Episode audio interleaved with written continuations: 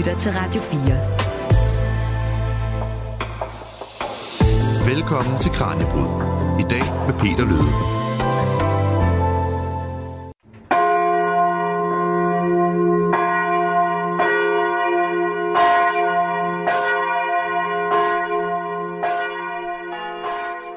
Hvis du tager til gudstjeneste i din lokale kirke, så er der cirka 59% sandsynlighed for, at præsten på prædikestolen er en kvinde.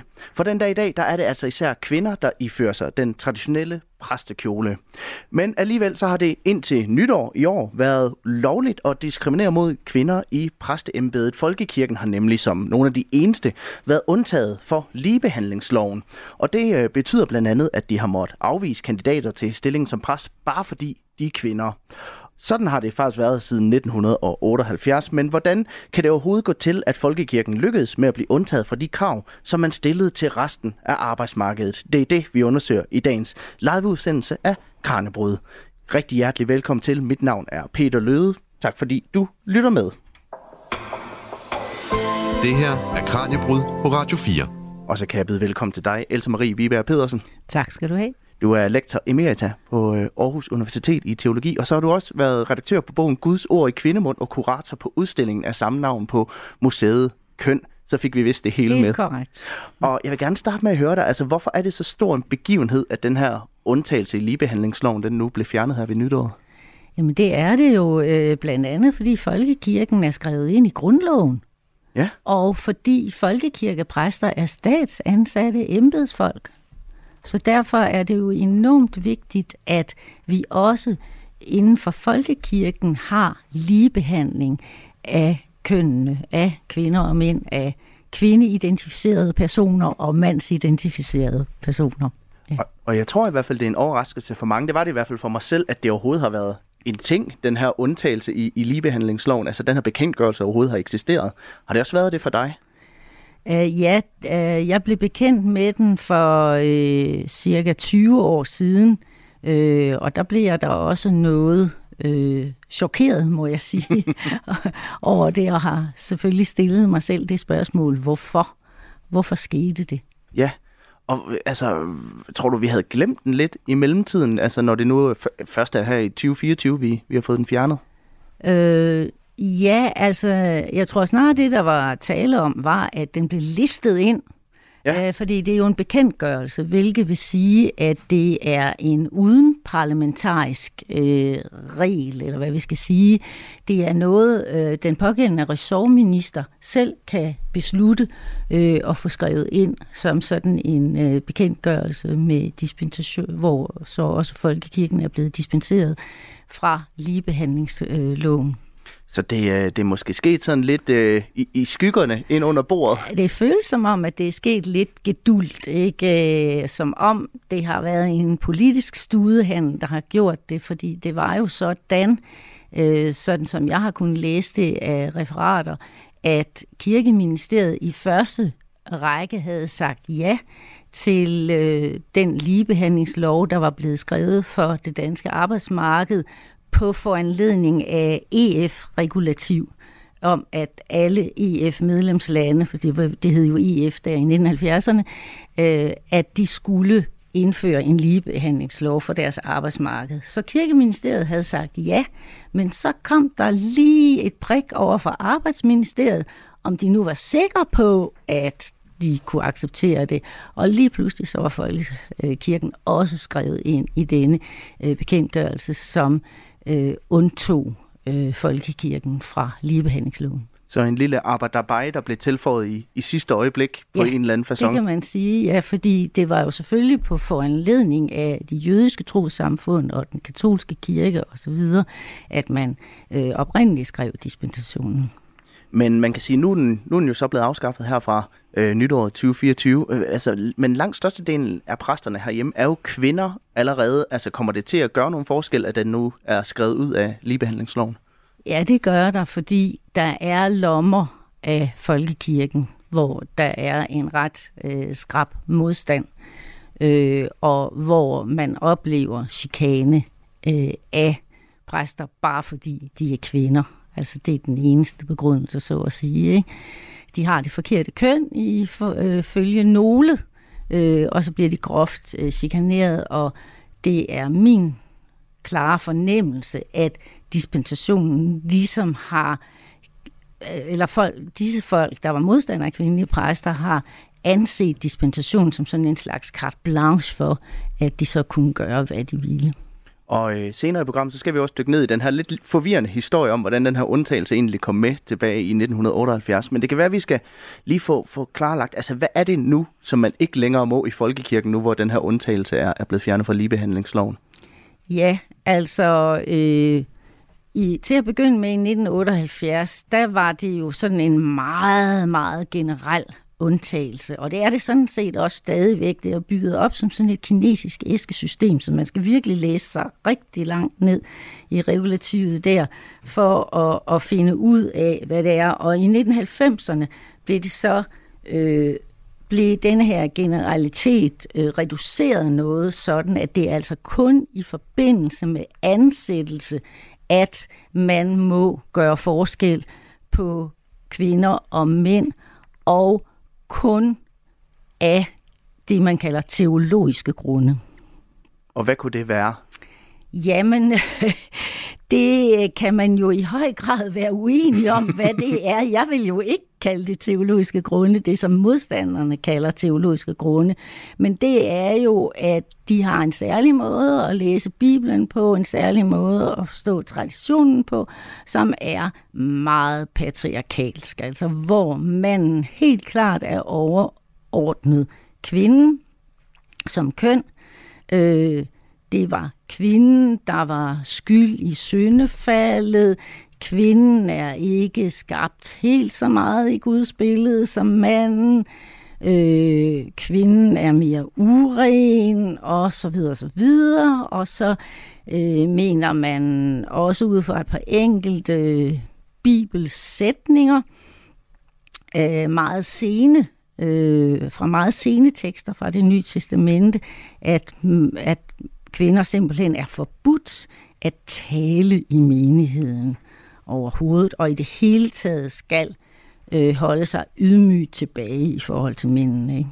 Ja, fordi det lyder lidt til, at det, øh, det egentlig er en diskussion omkring køn, som man pakker lidt ind i teologi på en eller anden façon. Ja. Er det, ja. er det rigtigt forstået?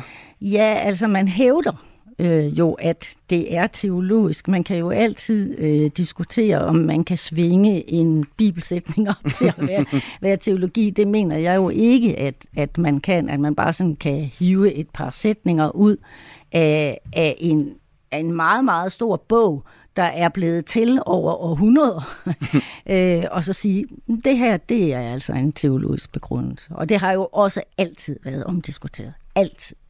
Men hvem er det, der er imod de kvindelige præster? Hvem er det, der sidder og argumenterer på den her måde derude? Jamen, det er jo det, som jeg vil benævne den kirkelige højrefløj. Øh, og det omfattes af dele af Indre ikke hele Indre fordi der er også liberale og moderate inden for Indre Men den yderste højrefløj er Indre og så det, vi kalder luthersk, eller dem, der kalder sig selv luthersk missionske, som er meget øh, højere drejet, og så øh, en meget lille, efterhånden meget lille gruppe af højkirkelige præster, fordi vi har også højkirkelige, der næsten er mere katolske end paven øh, inden for folkekirken. Og øh, husk, at vi jo gerne vil høre din mening derude bag ved højtalerne. Vi sender jo live, så der er mulighed for at sende sms'er ind til programmet. Hvis du har inputs til debatten om kvindelige præster, så kan du sende det ind til os på 1424. Start din besked med R4. Lav et mellemrum og skriv så din besked. Men der er også noget, som du gerne vil høre fra lytterne, Elsa Marie. Hvad er det, du gerne vil høre fra dem? Ja, øh, mit spørgsmål er direkte til den enkelte lytter. Hvornår vidste du, at Folkekirken i 1978 blev undtaget fra ligebehandlingsloven. Og det er altså på 1424. Husk at starte besked med, med at skrive R4, og så lav en mellemrum og skriv, hvad du har på hjerte.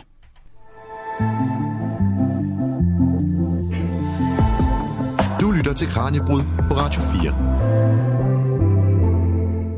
Og vi skal dykke dybere ned i den her undtagelse fra 1978 i ligebehandlingsloven lige om lidt. Men Else Marie, inden så tænker vi skal tale om noget af det, som du også har beskæftiget dig meget med, det her feministiske teologi. Og det kan jo godt gå hen og blive noget af det, som vi kommer til at læne os en lille smule op af i løbet af, af programmet. Og det kan være, at du skal give både mig og lytterne en lynhurtig indføring i, hvad teologisk, øh, feministisk teologi egentlig er for en, en størrelse. Ja, allerførst så vil jeg sige, at den feministiske teologi kobler sig jo på feminismen i det hele taget.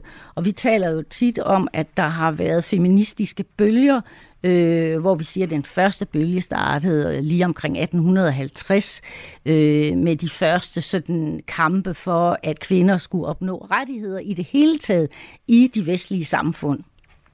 Øh, og herunder også Danmark. Øh, og øh, der kan vi se, at allerede i slutningen af 1800-tallet, der opstår inden for dansk kvindesamfund, hvor mange af dem var grundvigianere, øh, det spørgsmål, om ikke man bør have kvindelige præster. Ja. Og, og de mener i det hele taget, at der er behov for kvindelige præster. Så efterhånden som kvinder får adgang til de højere læreanstalter, det har de jo ikke. Til teologi får man først adgang her i Danmark i 1904 til at læse teologi på universitetet og blive kendt teol. Så, men efterhånden, som der kommer flere kvinder ind på akadem, akademiet, så får vi den akademiske feministiske teologi, også ligesom der er feminister inden for historie og alle mulige andre øh, videnskaber.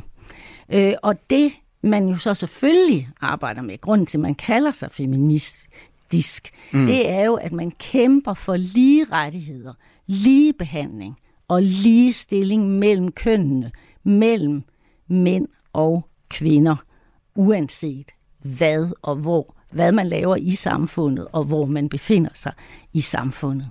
Og da vi talte sammen forud for, øh, for udsendelsen, der beskrev du det her som, som en, en form for demokratisk projekt for dig. Er du nået i mål nu, hvor den her bekendtgørelse er blevet fjernet fra ligebehandlingsloven? Øh, det er sådan, at en lov, øh, en lovtekst, også en bekendtgørelsestekst, det er altid udgangspunktet for en udvikling. Det er jo aldrig slutpunktet for en udvikling. Og det kan vi jo se med lovændringen af 1947, hvor man neutraliserede sproget, sådan mm. at, at det pludselig blev åbent for kvinder at blive ordinerede præster i folkekirken. Det var jo udgangspunktet for det, og så først året efter lovændringen, som Christian den 9. i øvrigt underskrev som en af de første lov, lovtekster, han har, har underskrevet. Der var han jo blevet ny konge. øhm, øhm, først året efter får vi jo så de første ordinationer. Så man kan sige, at i 1947, der var det blevet neutraliseret. Der var vi egentlig nået frem, hvor vi burde være lovmæssigt, og der var vi så i 31 år ind til folkekirken pludselig bliver undtaget i den her øh, fra ligebehandlingsloven, og man det pludselig bliver tilladt øh, at gøre forskel. Øh, vi har masser af chikane af kvindelige præster stadigvæk. Det er uhyrligt, hvad de skal lægge øre til, hvad de skal finde sig øh, i. Øh, men jeg regner med, at når nu denne her dispensation ikke mere gælder for folkekirkens øh, vedkommende, så kan vi efterhånden begynde at, at rydde det af vejen. Altså så er der simpelthen ikke noget, man kan læne sig op af øh, juridisk øh, eller på anden øh, eller politisk. Øh, så er det bare forbudt. man skal opføre sig ordentligt. ja, fordi nu taler vi jo meget om det her med chikane mod kvindelige præster. Altså, hvad, hvad er det, de oplever derude? De... Det er et bredt spektrum af ting. Det er jo alt fra, at øh, disse her øh, mandlige præster, som er modstandere af, af kvinder, ikke vil give hånd, heller ikke selvom de øh, optræder civilt, altså selvom de ikke har ornat eller noget på. Øh, det kan også være kirkepersonale, som tilhører Luthers mission eller sådan noget, der, der generer dem ved ikke at hjælpe på samme måde. Der kan være menighedsrådsmedlemmer, der sørger, øh, der, der generer for eksempel ved øh, at forhindre, at de får ondt i boligforhold. Øh, det kan, de kan få at vide, at de er urene, og de, de, vil, øh, de her mandlige præster derfor ikke vil optræde med den ved alderet eller, eller i kirken i det hele taget. Så, så det er både i selve kirkerummet og uden for kirkerummet, at de oplever alskens form for nedsættelse. Jeg vil tilføje, at det behøver ikke øh, bare, øh, som jeg sagde, det kan være menighedsrådsmedlemmer også. Mm. Det kan faktisk også være menighedsrådsmedlemmer fra den kirkelige, nej, fra den politiske øh, højrefløj, eller sådan det højere borgerskab. Øh, jeg har oplevet, at en kvindelig præst, sågar i Nordsjælland i whiskybæltet, ikke, øh, måtte lægge øre til, at et øh, menighedsrådsmedlem min, jamen, du kan da ikke tysk, øh, og, og sådan nogle ting, ikke? Hun er min årgang, vi skulle kunne tysk for at kunne læse teologi på universitetet dengang, fordi alt, hvad vi læste, det var stort set skrevet på tysk, øh, udover det græske og det hebraiske og alt muligt andet. Det er også som om, at der er nogen, der tror, at de ikke har taget den samme høje uddannelse som mændene, ikke? Altså, som ligger under for disse her gamle patriarkalske værdier. Så der kan de også øh, opleve at, at blive generet. Altså det, jeg ved ikke, om folk kan forestille sig, hvor stærkt generende det er at blive undervurderet på den måde, at dine kvalifikationer er ikke lige så gode som den mandlige præst, der står ved siden af dig. Ja, fordi at teologien som felt tager også udgangspunkt i, hvad kan man sige, oldgamle koncepter som Bibelen og kristendom, altså værdier, der har mm. flere tusind år på banen. Er der overhovedet plads til feminisme i teologien? Det er der da i høj grad. Øh, og øh, noget af det helt stærke ved den feministiske teologi, og øh, det var derfor, jeg understregede det med, at den er jo akademisk. Der sidder, der sidder nogle meget vidende, nogle meget dygtige øh, kvinder, og man kan også være feminist som mand. Det kan man sagtens. Og øh, der er jo øh, dygtige filologer imellem, og dygtige det ene og det andet. Og det vi arbejder med, det er jo at gå bag om det, det vedtagende, så at sige. Grave os ned i det græske eller det hebraiske og sige, åh, oh, det der ord, det behøver faktisk ikke at betyde det. Den oversættelse der, selvom den er autoriseret, den er faktisk forkert. Ja. Øh, det, det er faktisk ikke rigtigt. Vi ved i dag sådan og sådan, ikke? Blandt andet har vi øh, via den feministiske teologi, de der arbejder inden for det nye testamente øh, med eksegesen, har jo gravet frem, at at der er kvindenavne, der er blevet maskuliniseret øh, gennem tiden øh, i middelalderen. Øh, der er kvindenavne, der er blevet slået sammen til en person, selvom det måske i virkeligheden drejer sig om 5-10 personer. Så man, så man har i traderingen af bibelstoffet reduceret antallet af kvinder. Man har øh, tildækket, at øh, gennem traderingen, at de var vigtige, at de var apostle, at de var disciple. Mm øh, og så videre, og gjort dem til skøre og letlevende kvinder, eller ubetydelige kvinder, øh, som blev stereotyper øh, for den faldende Eva. De var Evas døtre, de var løgnagtige, de var ikke vigtige, de var useriøse, øh, og, og på alle måder altså øh, mindre vigtige. Så i, som, i den feministiske teologi forsøger man også at grave kvinderne frem i ja. Bibelen igen? Både i Bibelen og i traditionen, ikke? Gennem øh, historien, ja. Så det er filologisk arbejde, det er historisk arkeologi, øh, alt muligt. Og det handler jo ikke om at gøre mændene mindre vigtige. Det er slet ikke det. det er, men det er det at få gravet kvinderne frem, få dem givet den plads, de faktisk oprindeligt har haft. Og øh, husk, at du altid kan skrive ind til os på 1424, start din besked med R4, lav et mellemrum og skriv så din besked og øh, det er jo min kollega Emma Elisabeth Holt, der holder øje med sms'erne. Og du kan tegne til, at der var kommet noget ind. Jamen, I stillede jo et øh, spørgsmål, og det har Ina fra København svaret på. Hun skriver, Hejsa, læste om undtagelsesloven sidste år, og kendte den ikke. Så det var i hvert fald øh, en lytters svar på dagens spørgsmål. Ja. Tror du, det er sådan, der er mange, der har det, Else Marie? Ja, det tror jeg. Øh, det kom for alvor frem i 2022, øh, øh, hvor der jo var en... Øh, hvor DR havde øh, fokus på det, øh, og kom til mange bekendtskab, også biskoppernes, som heller ikke vidste Samtlige 10 biskopper var helt uvidende øh, om denne her øh, undtagelse, og gjorde jo altså også det, at de ret hurtigt stillede krav om, at folkekirken blev fjernet fra dispensationen. Og læg mærke til, der er jo ikke noget krav om, at de andre trossamfund øh, skal fjernes fra dispensationen. Det er kun folkekirken. Men man... øh, vi mener netop, blandt andet fordi, at, at der allerede er så stor rummelighed og så stor bredde inden for folkekirken. Den rummer jo alt fra agnostikeren, der ikke ved, om vedkommende egentlig tror på noget, og så til de allermest højkirkelige, der måske knap nok er evangelisk-luthersk, som folkekirken ellers øh, er øh, defineret som. Og øh, om lidt, så skal vi høre en historie fra en af dem, der har mærket den her diskrimination på egen krop. Du lytter til Kranjebrud på Radio 4. For tidligere, der kunne det altså være en særdeles drøg omgang at være kvindelig præst i Folkekirken. Det ved Annelise Søndengård alt om. Hun øh, startede som præst i 1970'erne og fik sin sag for, da hun arbejdede som præst ved Ali-kirken i Markus Sogn i Aalborg. Ikke så meget på grund af sovnebørnene, der for de fleste vedkommende var både venlige og interesserede i, hvad hun sagde, selvom hun var kvinde. Men problemerne opstod, da hun fik en ny kollega. Han var uddannet præst i USA og kom med en helt anden tilgang til tingene. Jeg fik en ny kollega, som øh, var karismatiker, øh, meget from.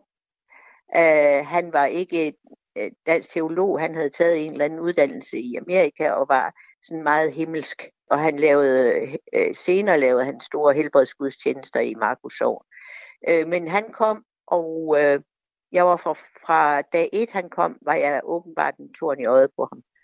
Og så skulle vi have nogle samarbejdsmøder, og til de samarbejdsmøder, der øh, fortalte han mig i utvetydige vendinger, at øh, han var sovnepræst. Jeg var anden residerende kapellan, det var man dengang. Så han, han skulle bestemme over mig. Og det skulle han jo ikke ifølge loven, og det, tror, det fortalte jeg ham også, at han havde jo ikke, han skulle jo ikke bestemme. Han, øh, han var i strid med meningsrådsformanden, som var øh, god socialdemokrat. Ham var han i strid med fra dag et. Og øh, meningsrådsformanden havde en øh, meget nervnet nedbrudt, meget, meget, meget, meget sart lille kone. Og de boede i mit distrikt. Og hende, øh, hende, øh, hun havde mistet en voksen datter, og det havde slået hende fuldstændig omkring. Så hende besøgte jeg en til to gange om ugen til sjælesår. Øh, og, øh, og det måtte jeg ikke. Jeg måtte ikke komme der, fordi øh, jeg skulle ikke finde mig ind hos, øh, hos øh, menighedsrådsformanden. Og jeg forklarede ham jo utilsyde vendinger, at han, som jeg kunne bande, ikke skulle bestemme, hvor jeg gik på husbesøg. Og det var sådan nogle, sådan nogle øh, ting hele tiden. Han var slet ikke øh, øh, opdraget i, i, i den danske folkekirke. Han troede jo, at han, fordi han var sovnepræst i en højere lønramme end mig, skulle bestemme. Han vidste ikke, hvordan det fungerede. Og det var ikke et enkeltstående eksempel? Nej, nej, nej, nej, nej, det foregik jo he- øh, hele tiden. Og så måtte jeg jo så øh, tale med min provst, og vi blev indkaldt til møde, øh, til samarbejdsmøde ude hos provsten. Jeg tror, vi var derude en gang om ugen i en overgang. Det var Prost Geil, der senere blev biskop i Viborg. Og der, der satte han sig i sofaen. Vi sad hver ende af sådan en lang sofa. Og så satte han sig sådan med armene foldet og ryggen til mig. Og så råbte han ind i vægen. Jeg vil ønske, du ville rejse. Så han råbte til dig uden at kigge på dig? Ja. Han så, aldrig, han så mig aldrig i øjnene. Hvad tænkte du om den behandling? Jamen, jeg var jo rystet, ikke? Altså, jeg, hvis, jeg kunne, hvis jeg havde været et sart, et sart væsen, så var jeg blevet syg af det. Det satte sig jo i mig. Altså det satte sig både på min mave og alt muligt, ikke? Altså jeg kunne næsten, jeg kunne ikke holde det ud. Der har altid været lidt ballade mellem, mellem præsterne i Markus Sov, men det var sådan almindelige småknider. Men det her, det, det løb jo helt af sted. Og Provsten prøvede jo virkelig, fordi det var jo også dumt af ham. Provsten blev jo fuldstændig på min side. Provst Geil skulle lave en præstindsættelse ude ved os af en ny præst, der kom. Og det eneste, han talte om til, til frokosten bagefter, da han holdt tale, det var mig. Ikke? Altså, han fremhævede mig, men det, det blev det jo ikke bedre af. Jeg tror, at, at provsten troede, at han gjorde mig en tjeneste, men det gjorde han faktisk ikke, fordi det blev han jo næsten mere ond af. Altså, hvorfor var det, at han var efter dig? Var det, fordi det var et generelt, altså, hans generelle syn på kvinder, eller var det et teologisk årsager? Altså, det var nok en blanding vil jeg tro. Altså det, det, det kom jo aldrig frem, fordi han var jo ikke i stand til at argumentere teologisk, fordi han var så dårlig en teolog. Øh, men det var selvfølgelig en blanding af, at, øh, at han troede, at han kunne møde en pige, ikke? Og så var han jo sur over den lille kirke, som han mente jo noget fra ham, ikke? Og i det hele taget sur over, at jeg kørte mit eget løb, hvad jeg jo var i min gode ret til. Altså gik på husbesøg uden at, øh, uden at klare af med ham, om jeg måtte, da han kunne møde en pige, ikke? Og så var han jo sur over den lille kirke, som han mente jo noget fra ham, ikke? Og i det hele taget sur over, at jeg kørte mit eget løb, hvad jeg jo var i min gode ret til. Altså gik på husbesøg uden at, øh, uden at klare af med ham, om jeg måtte. Og det var altså ikke kun Annelise Søndengård, der havde trælse oplevelser med nogle af de mandlige kollegaer i 1970'erne. Det havde mange af hendes andre kvindelige kolleger også, og derfor begyndte de at tale mere sammen for at forbedre forholdene i 1980'erne. Det kan du høre mere om lige om lidt.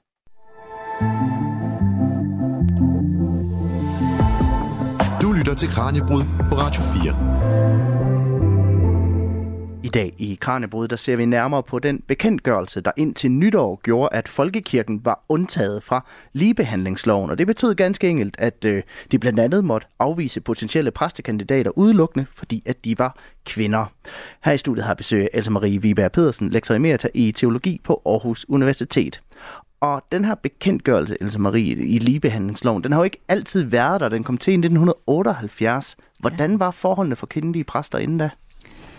Jamen, øh, som vi kan høre øh, på Annelise Søndengård, så, så oplevede de jo selvfølgelig modstand og øh, chikane øh, også inden da, men der var bare ikke nogen lovtekst eller noget, øh, nogen bekendtgørelse, der, der øh, så at sige gav dem lov til at, at gøre det. Øh, det havde jo været øh, fuldstændig neutraliseret øh, om det var en kvindelig eller en mandlig præst, øh, en menighed kaldte mm. til øh, at virke i sit sovn, i sin menighed fra 1947 til 1978. Ja, fordi der For, gør man sproget kønsneutralt i loven. Man gør øh, sproget kønsneutralt. De forbudslove, der var kommet ind i 1921 og 1941, det var dem, man ændrede øh, ordlyden af i 1947, sådan at mænd blev til personer. og han blev til den pågældende, eller Hvor? vedkommende, ikke sandt? Så man neutraliserede, det var sådan set en, en genistreg, og man gjorde jo det samme med tronfølgerloven i 1953, så kong Christian, den, slutter kong Frederik den 9., han underskrev jo faktisk to love, der gav fri adgang for, for kvinder ikke, til at indtage meget væsentlige positioner i samfundet. Hvorfor valgte man at lave den ændring der tilbage i, i 40'erne? Altså, hvad var argumentet for, for at, at indføre kvindelige præster på den, på den måde? Jamen altså, som, som sagt, så øh, var der rejst øh, stemmer for kvindelige præster allerede i slutningen af 1800-tallet. Øh, så skulle der jo lige det til, at kvinder for det første havde adgang til de højere læreanstalter, kunne læse teologi. Det fik de adgang til i 1904. Der var også øh, brug for, at kvinder fik ret til at stemme politisk. Det fik de henholdsvis 1908 til kommunerne og 1915 til, til rigsdag og, og folketing. Og da de første kvinder så kommer ind ved valget i 1918, 19, så er noget af det første, det er, at de netop rejser det her spørgsmål i forbindelse med en diskussion om kvinders adgang til offentlige erhverv, herunder det ordinerede embede til folkekirken og militæret. Men... Og så der uh, foregår en politisk diskussion mm. fra 1918-19 og helt frem til 1947, hvor så den her lovændring, og vi er omkring forbudslove i mellemtiden under den her lange, lange diskussion øh, på over 20 år. Hvordan er reaktionerne så, da, da den her lovændring kommer i, i 1947? Altså, hvordan er reaktionerne både for dem, der har talt for, og dem, der har talt imod det her? Ja, øh, det var sådan, at en Gallup-undersøgelse i 1946 øh, viste, at der var et flertal af den danske befolkning, øh, der var for kvindelige præster. Og det var en af isbryderne. En anden isbryder blev, at en menighed faktisk kaldte en, en kvindelig kant til Ol som øh, deres øh, præst. Og så var der jo pludselig noget aktuelt, der gjorde, at, at det for, for alvor skulle øh, stemmes igennem, om jeg så må sige. Øh, dem, der var for, øh, blev mere og mere for. øh, og også øh, i, i 1947 var der en, en protest fra 514 øh, præster. Det var en tredjedel af, af den daværende præstestand, og den svandt meget hurtigt ind. Der var ikke 514 få år efter, at de første tre kvindelige præster var blevet ordineret. Øh, så øh, så øh, hvad skal man sige, dem der var for, det blev bare mere, større og større begejstring, mm. kan man sige. Og dem, der var imod, blev mere og mere forbenede modstandere. Uh, så vi ser, der er sådan nogle bølger uh, af, af, af en forhøjet modstand ikke? fra disse her bevægelser, jeg har, har talt om før. Og så efterhånden, som uh, Annelise uh, jo illustrerede i sit indslag, så kommer der altså også nogen, der er uddannet uden for øh, mm. de danske øh, grænser og kommer ind med disse her karismatiske øh, tendenser. og man kan også sige, at altså, en ting er jo, at mænd og kvinder på det her tidspunkt er ligestillede i loven, fordi sproget er, er kønsneutralt. Men var de også det i praksis? Øh, altså, man kan sige, øh, man kan altid diskutere, om vi er det i praksis. Ja, altså kvæg præster eller kapellaner, så var de jo så ligestillet, som, som man kunne være, ikke? Altså rent mm. øh, juridisk og, og, og så videre, ikke? Øh, men, men selvfølgelig øh, øh, kan vi se også den dag i dag, ikke? At øh, det er jo ikke, det er jo stadigvæk mændene, der sidder på de fleste ledelsestillinger i folkekirken. Ikke? Vi har også et flertal af af mandlige biskopper, og det varierer selvfølgelig øh, hele tiden, ikke også alt efter hvem der bliver valgt som biskop i det enkelte øh, stift. Øh, så selvom vi i dag har numerisk flertal mm. af kvindelige præster, så, så er det ikke magtmæssigt, øh, sådan vil jeg ikke sige. Øh, der er stadigvæk nok mest magt hos mændene. Men på den anden side, så er det også en anden type mænd, der sidder på magten i dag, end det var i 1940'erne. Øh, så, øh, så det er nok også en blødere magt, som ikke er, er, er helt så bestandt øh, og, og hierarkisk, øh, som den var dengang. Øh, men altså helt klart, øh, kvinderne har kæmpet og måtte fortsætte med at kæmpe efter 1948. Og øh, min kollega Emma Elisabeth Holt giver tegn til, at der er kommet en sms ind. Jamen, der er faktisk uh, to, jeg lige tænker, vi skal tage fat i. Der er for det første kommet uh, et til svar på, ja. på dagens spørgsmål, og det er Brian, der skriver vedrørende gæstens spørgsmål, jeg hørte først, om den undtagelse for ganske nylig i en omtale af ophævelsen. Jeg blev faktisk lidt rystet over, at den her slags har eksisteret i dette årtusind. Jeg troede, at det hørte til i en tid mindst en eller to kong Frederikker siden. Så der var altså en, der først hørte det i kraft af, at at ja. det ikke længere var tilfældet. Ja. Ikke? Øh, men der er også kommet et teknisk øh, spørgsmål, som vi må se, om vi kan give svar på. Øh, det er Linda, der skriver her, men er der ikke et reelt teologisk problem i forhold til for eksempel Paulus, som hævder, at manden er kvindens overhoved, og at kvinder skal tige i forsamlinger? Det ved jeg ikke, Else Marie, om vi kan give et konkret svar på det. Øh, ja, det kan vi, øh, for øh, hvis man læser den nyeste forskning, så er det slet ikke Paulus, der har skrevet de ord. Det er en senere øh, tilføjelse, øh, og det kan min øh, tidligere kollega fra Nye Testamente i heroppe på Aarhus Universitet øh, bekræfte. Så jeg kan kun anbefale, at man læser øh, min bog Guds ord i kvindemund om køn og, og kirke, hvor øh, René Falkenberg, den kollega, jeg netop omtalte, har et meget fint kapitel, hvor han viser det, at det faktisk i de tidligste kilder fra de her pågældende tekster, det, det handler om 1. Korintherbrev øh, og, Efeser, øh, og 1. Timotheus brev. Øh, så Paulus er godt nok hovedforfatter til 1. Korintherbrev, men han har med al sandsynlighed ikke skrevet den sætning. Øh, og 1. Timotheus brev er skrevet af meget senere forfatter. Det hører under det, vi kalder pastoralbrevene, meget sene meget sene breve.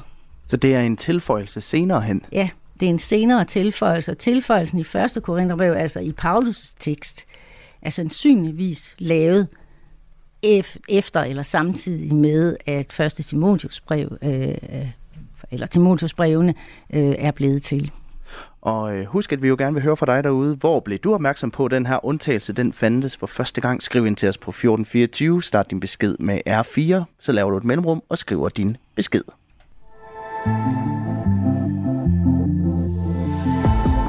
Du lytter til Kranjebrud på Radio 4. Og i 1978, der bliver bekendtgørelse om fravigelse af lov om ligebehandling af mænd og kvinder med hensyn til beskæftigelse med videre, for så vidt angår præstestillinger, tilføjet i ligebehandlingsloven. Og det er altså et direkte citat, kan man vist godt høre på det. Det sker i juli måned, og den her bekendtgørelse er underskrevet af den daværende kirkeminister Jørgen Peder Hansen. Og Else Marie, altså, hvordan når man der til, at den her undtagelse bliver en realitet? Fordi nu hører vi jo lige, at, at loven på det her tidspunkt egentlig har været kønsneutral omkring præsterne. Ja. Jamen, øh, det er altså et rigtig, rigtig godt spørgsmål, hvordan øh, denne her bekendt, eller hvordan, hvorfor folkekirken er blevet skrevet ind. Mm. Og jeg vil gerne understrege, at det ikke har været et krav fra folkekirkens side. Nej. Der har ikke været biskop eller noget som helst, der, der egentlig kendte til det. Det er fuldstændig stykke politisk arbejde, der er sket. Og så vidt som jeg har kunnet læse af de referater, der er tilgængelige fra en øh, folketingsbehandling i 2008, hvor radikale venstre øh, med Lone Dybkær som pennefører havde bedt om, at folkekirken netop skulle blive skrevet ud af den her dispensation fra ligebehandlingsloven, der fremgår det, at kirkeministeriet i første omgang sagde, vi har ingen problemer med ligebehandlingsloven overhovedet. Ikke? Og folkekirken er jo under mm. kirkeministeriet, øh, i modsætning til de andre trosamfund. øhm, men så kom der en meddelelse over fra arbejdsministeriet, lyder det i det her referat. Ja. Og lige pludselig så havde kirkeministeriet også et problem med ligebehandlingsloven, og folkekirken blev skrevet ind i denne her bekendtgørelse, der frat, øh, fritager øh, også folkekirken fra ligebehandlingsloven. Og i 1978 var det en meget vidtgående fritagelse, som så bliver reduceret i, øh, i 1990'erne. Jeg tror, det er 1995, hvis jeg husker korrekt. Øh, der bliver den reduceret, og så er det, det bliver præciseret, at det kun er i forbindelse med ansættelse, og kun hvis menighedsrådet har teologiske grunde til det. Ja. Og en gang er det lykkedes en kvindelig præst at få medhold, klaget over menighedsrådet, hvor hun var blevet diskrimineret, og de havde jo sagt, at det var teologiske grunde, men de havde foretaget en anden ansættelse, hvor de viste, at de havde ikke problemer med de der teologiske grunde, som de pludselig brugte over øh, for hende. Øh, og derfor så øh, måtte de stå skoleret. Og man kan jo sige, nu det er jo, det er jo kirkeministeren Jørgen Peder Hansen for, på daværende tidspunkt, ja. der har skrevet under på Fra den her bekendt. Socialdemokratiet. Ja. Jeg fatter ikke en brik. Men hvem, er, men hvem er arkitekten bag? Tror du, det er ham, der har, der har agiteret for, at det her skulle tilføjes, eller hvor tror du, det kommer fra? Altså, jeg, jeg kan nemlig kun gisne, Ja. fordi jeg ikke ved det. Øh, og jeg tror simpelthen ikke, der er nogle tilgængelige akter, hvor man kan se det. Øh, så mit gæt er, at der taler om en politisk studehandel. Ja. Og øh, i 1972 kom der jo en masse partier ind i Folketinget. Et af dem var Kristelig Folkeparti, øh, hvor der jo sad en hel del folk fra Indre Mission. Øh, så mit gæt er, at det har været en politisk studehandel. Hvis Kristelig Folkeparti vil stemme for den her lov, så får I den her bid. At man har brugt det som en byttehandel i sidste ende. Ja, Men altså, man kan sige, på det her tidspunkt har kvindelige og mandlige præster, de har også været lige i, i godt 30 år på det her tidspunkt, i hvert fald ifølge loven, hvor der, der var kønsneutral. Altså, hvorfor tror du, man vælger i 78 og tilføje den her bekendtgørelse igen? Jeg forstår det simpelthen slet ikke, fordi vi er jo også efter 68. Øh, hele kønskampen er jo på det højeste. Det er det, timing Her virker i underlig. 1970'erne, det er så underlig en timing. Øh, og øh, ja, øh, også, altså også det, at Socialdemokraterne går med til det i 1978, men det er helt klart, fordi der netop har siddet nogen, der ikke har haft forstand på det, og ikke har været klar over ordlyden øh, i loven af 1947. Det må det være, fordi den gav jo alle menigheder fuld kaldelsesfrihed til at kalde hvilken præst de ville. Så de behøvede slet ikke det her øh, kødben, øh, så at sige. Og, og det er jo også derfor, jeg gætter på, at det, der har været nogle øh, folk fra den kirkelige højrefløj, øh, der har trukket i, i nogle tråde, og det har været forholdsvis let for dem, fordi der i ministeriet har siddet folk, der ikke øh, havde lavet deres hjemmearbejde godt nok. Og man kan jo sige, altså det kan også være, at vi lige skal få på plads, hvorfor den her undtagelse overhovedet eksisterer. Fordi det er jo ikke kun folkekirken, der er undtaget fra, fra ligebehandlingsloven. Det er andre trosamfund også, og jeg mener også, at militæret blandt andet er på det her tidspunkt. Ja. Altså, hvorfor tilføjer man den her undtagelse overhovedet? Ja, ingen grund til det. Der er simpelthen ingen grund til det.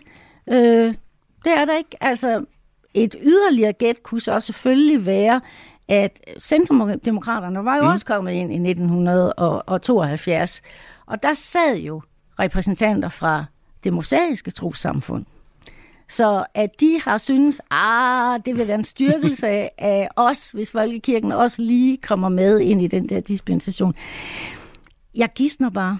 Ja, og øh, lad os vende tilbage til Annelise Søndergaard, som vi hørte lidt fra tidligere. Hun er præst i en valgmenighed den dag i dag, og vi skal høre lidt om, hvordan hun selv har kæmpet for ligestilling mellem kønnene på præstestolen. Du lytter til Kranjebrud på Radio 4. For lidt tidligere i programmet kunne du stifte bekendtskab med Annelise Søndengård, der har været sovnepræst i både Aalborg og i Aarhus. Og hun fortalte om nogle af de ubehagelige oplevelser, hun havde, da hun fik en kollega, der ikke havde så meget til overs for en kvindelig præst. Annelise Søndengård var dog langt fra den eneste kvindelige præst, der mødte modstand, og det fik en gruppe kvindelige præster til at knytte tættere bånd til hinanden, så de kunne udveksle historier og erfaringer. Og i 1978, der blev der så vedtaget den her nye ligebehandlingslov, der forbød forskelsbehandling af kvinder og mænd på hele arbejdsmarkedet, bortset fra i i folkekirken, de religiøse trosamfund og i militæret. Og på et tidspunkt, der ønskede Indrigsministeriet en undersøgelse af, hvad den undtagelse havde betydet, fortæller Annelise Søndengård. De vil gerne have en rapport om, hvordan kvinderne har klaret sig i kirke og hierarki. Og på det tidspunkt er der ingen kvindelige præster eller biskop. Den rapport, den skal så udarbejdes af en gruppe, som bliver nedsat af kirkeministeriet. Og i den gruppe er der ingen kvindelige præster. Og det får Ruskovsborg i Odense nys om øh, på en eller anden måde, at nu sætter, nedsætter de en arbejdsgruppe, der skal behandle vores stilling i kirke og hierarki, men vi er ikke med. Og så ringer hun rundt, altså hun ringer rundt til kvindelige præster i alle 10 stifter. Og vi samles hos Ruth i, i Odense og siger, har vi noget at sige? Og da vi har grinet og grædt i to timer, og vi grinede og vi græd, så siger vi, vi har noget at sige efter vi bad om foretræde hos Mette Madsen, som var kirkeminister, hun var venstre kvinde. Vi er så syv, tror jeg, der tager til kirkeministeren, og i øvrigt så er der en lille sjov detalje ved det, da vi står og venter ude i porten ind til kirkeministeriet, øh, der i Frederiksholms kanal, der er klokken 11 om formiddagen, og der kommer Johan Johansen, der er biskop i Helsingør, ud. Øh, han er sød mand, det er slet ikke det, og han er allerede på det tidspunkt ret fuld. Så da Mette Madsen lidt efter spørger om, øh, øh, det, jamen der er jo to biskopper i udvalget, er I ikke trygge ved jeres biskopper, så, så falder vi jo ned i stolen og griner og siger, nej, vi har lige set en, han var fuld allerede kl. 11 om formiddagen. Øh, så, så fik vi lov til, nu skal du høre, hvad vi fik lov til. Vi fik lov til at danne en følgegruppe, som vi så dannede. Øh, jeg var ikke med men der var syv med i den følgegruppe. Vi skulle selv betale transporten til København til møderne. Øh, vi, når de andre, når udvalget gik i snapsetinget og fik frokost, så gik gruppen ud til pølsevognene. Men de, vi, de sad som fluen på væggen. Og det kører så. Så en morgen vågner jeg op klokken 8 mandag morgen, ved at telefonen ringer, og jeg tror jo, at der må mindst være syv, der er kørt sammen i sovnen, fordi ellers der ingen, der ringer til mig klokken 8 mandag morgen. Jeg tager telefonen, så er det biskop Drejergaard, som på det tidspunkt er formand for præsteforeningen. Og han siger, at jeg må se i øjnene, at jeg bliver ekskluderet af præsteforeningen. Hvorfor det? Fordi jeg er gået bag om præsteforeningens ryg ved at lave den, øh, lave den henvendelse til kirkeministeriet for den gruppe nedsat. Og jeg svarer selvfølgelig Drejergaard, som jeg har læst sammen med, og som jeg kender, og fortæller ham selvfølgelig, at jeg er fuldstændig ligeglad, og at jeg, jeg er glad for, at jeg ligger ned, for ellers var jeg faldet om og grin. Så han vil sgu da bare ekskludere mig. På det tidspunkt er jeg tillidsmand i præsteforeningen. Så jeg kommer jo på præsteforeningens repræsentantskabsmøde, og der gør jeg redde for den her sag. Og alle mine kolleger nede i salen, de klapper af mig. Hvordan går det så med den her øh, hierarkiske udredning? Ja, det skal du høre. Det er nemlig sjovt. Så skal jeg i 2008 skrive til Aarhus Stiftsårbog, 60-året for de kvindelige præster, skal jeg skrive om det med kvinderne. Og så beder jeg præsterforeningen om at få den rapport. Den er væk. Præsterforeningen har den ikke. Jeg fandt den, så jeg kan ikke huske, hvordan. Jeg er en gammel kone, jeg glemmer ting. Men jeg fandt den inde på, øh, på hvad hedder det, Socialforskningsinstituttet. Der fandt jeg den og læste den, og den kunne være blevet et redskab, men de, de lagde den død. Det var deres hævn. Så der kom faktisk en rapport ud af det, som du tænker godt kunne have været gavnlig. Ja, godt kunne være brugt, men præsteforeningen. Du må regne på det tidspunkt var præsteforeningen styret af alle de gamle grundvigianere. Og de gamle grundvigianere, de er jo, eller var i hvert fald indtil for nylig fuldstændig firkantet opslugt af deres familiemæssige måde at bygge systemer op på. De havde ikke opdaget, at familien var gået i opløsning. De troede stadigvæk, at det var ligesom øh, Luther og Kate, du ved. Og det er på grund af højskolernes ideologi, at de sidder fuldstændig fast i de gamle familiemønstre. Så det er fædrene, der går til møder, og det er fædrene, der sidder i udvalg, mens kvinderne, de sidder hjemme og sørger for, at det hele går og drikker smør og, og, og, og, og sådan noget. Ikke? Og, hvad der, og hvad der var af had, det var fra præstekonerne. De grundviske præstekoner, de havde os. Fordi vi, vi, vi tog jo deres stilling. De, de, det følte de. Vi opløste familierne. Nu havde, nu havde de kørt med øh, pater familias øh, problematikken hele vejen igennem. Så kommer vi der, og vi sætter os på pater familias. Altså, de, de havde jo ikke opdaget, at de i den grad var ofre for patriarkat. Og det gør vi jo. Vi opløser patriarkatet, for patriarkatet skal opløses og Annelise Søndergaard er i dag pensionist, men arbejder, arbejder altså stadigvæk som hjælpepræst ved en valgmenighed i Nordjylland. Og det hænder også stadigvæk, at hun støder på mænd, der har svært ved at acceptere hende som præst, fordi hun er kvinde. Og vi har så småt øh, to-tre minutter tilbage her i studiet, Else Marie, så jeg kunne godt tænke mig måske at prøve at samle lidt op på alle de her tråde, vi har haft ude i løbet af programmet. Altså, tror du, den her afskaffelse af undtagelsen i, i ligebehandlingsloven, den kommer til at gøre en positiv forskel for de kvindelige præster herhjemme? Jeg håber det i hvert fald. Det må jeg sige. Jeg, jeg, jeg har en, en lille tro og et stærkt håb, et stort håb, øh, om, at, at det vil gøre en forskel, fordi så har man i hvert fald ikke noget politisk eller juridisk at læne sig op af. Øh, og det vil blive øh, lettere for, for kvinder at, at protestere, når der, der gøres diskrimination det er selvfølgelig et, øh, ja, og så med moderniseringen, ikke? Mm. Altså, jeg vil også tro, at den sidste gammel grundviske øh, gruppe snart er, er uddød. Øh, de, de svarer jo egentlig ikke til hverken grundvisk eller luthersvensker. det, øh, de har afspejlet af, af idealer, og altså derved er kommet til at støtte op om om nogle helt andre grupper, øh, stærke højrefløjsgrupper inden for øh, folkekirken. Så, så det er min tro øh, og mit håb, at det vil ændre sig.